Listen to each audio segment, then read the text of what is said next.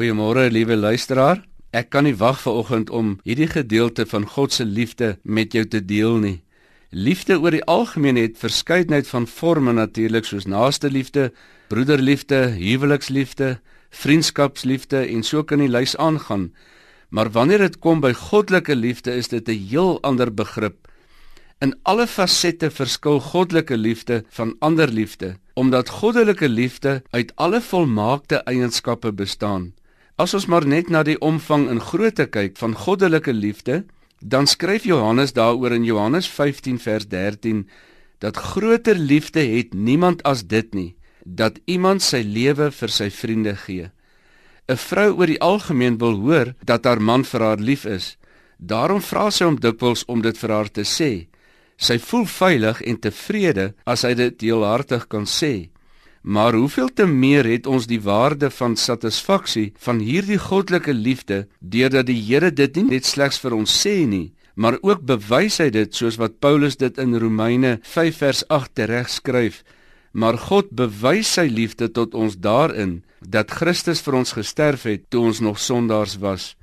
God se liefde vir jou is meer werd as 'n gevoel omdat dit 'n daad is wat hy heelhartig en oorvloedig vir jou aan die kruis bewys het. Jy het dus nie slegs 'n bepaalde deel van sy liefde wat deur duisende mense gedeel moet word nie, maar sy volheid van sy liefde net vir jou.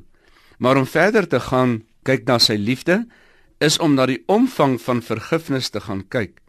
Die manier hoe danig God vergewe, hoe volkome hy vergewe, hoe gereeld hy vergewe, is 'n bewys van sy liefde vir jou. Dawid beskryf dit baie treffend in Psalm 103 vers 9 en 10. Hy sal nie vir altyd twis en nie vir ewig die toorn behou nie.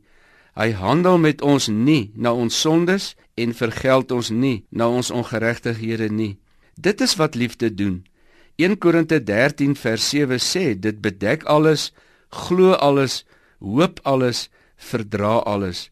Het jy jouself al ooit kon indink wat sou van jou geword het as jy liefde uit God se attribute uitgehaal het? Wat sou 'n liefdelose God gedoen het? Hoe sou hy jou vergewe, begenadig het, barmhartigheid bewys het of lankmoedig oor jou gewees het sonder liefde? Geen mens sou voor God kon bestaan het as hy sonder liefde in sy geregtigheid en heiligheid alleen moes oordeel en optree nie.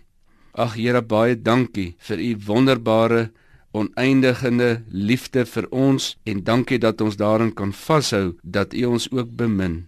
Amen.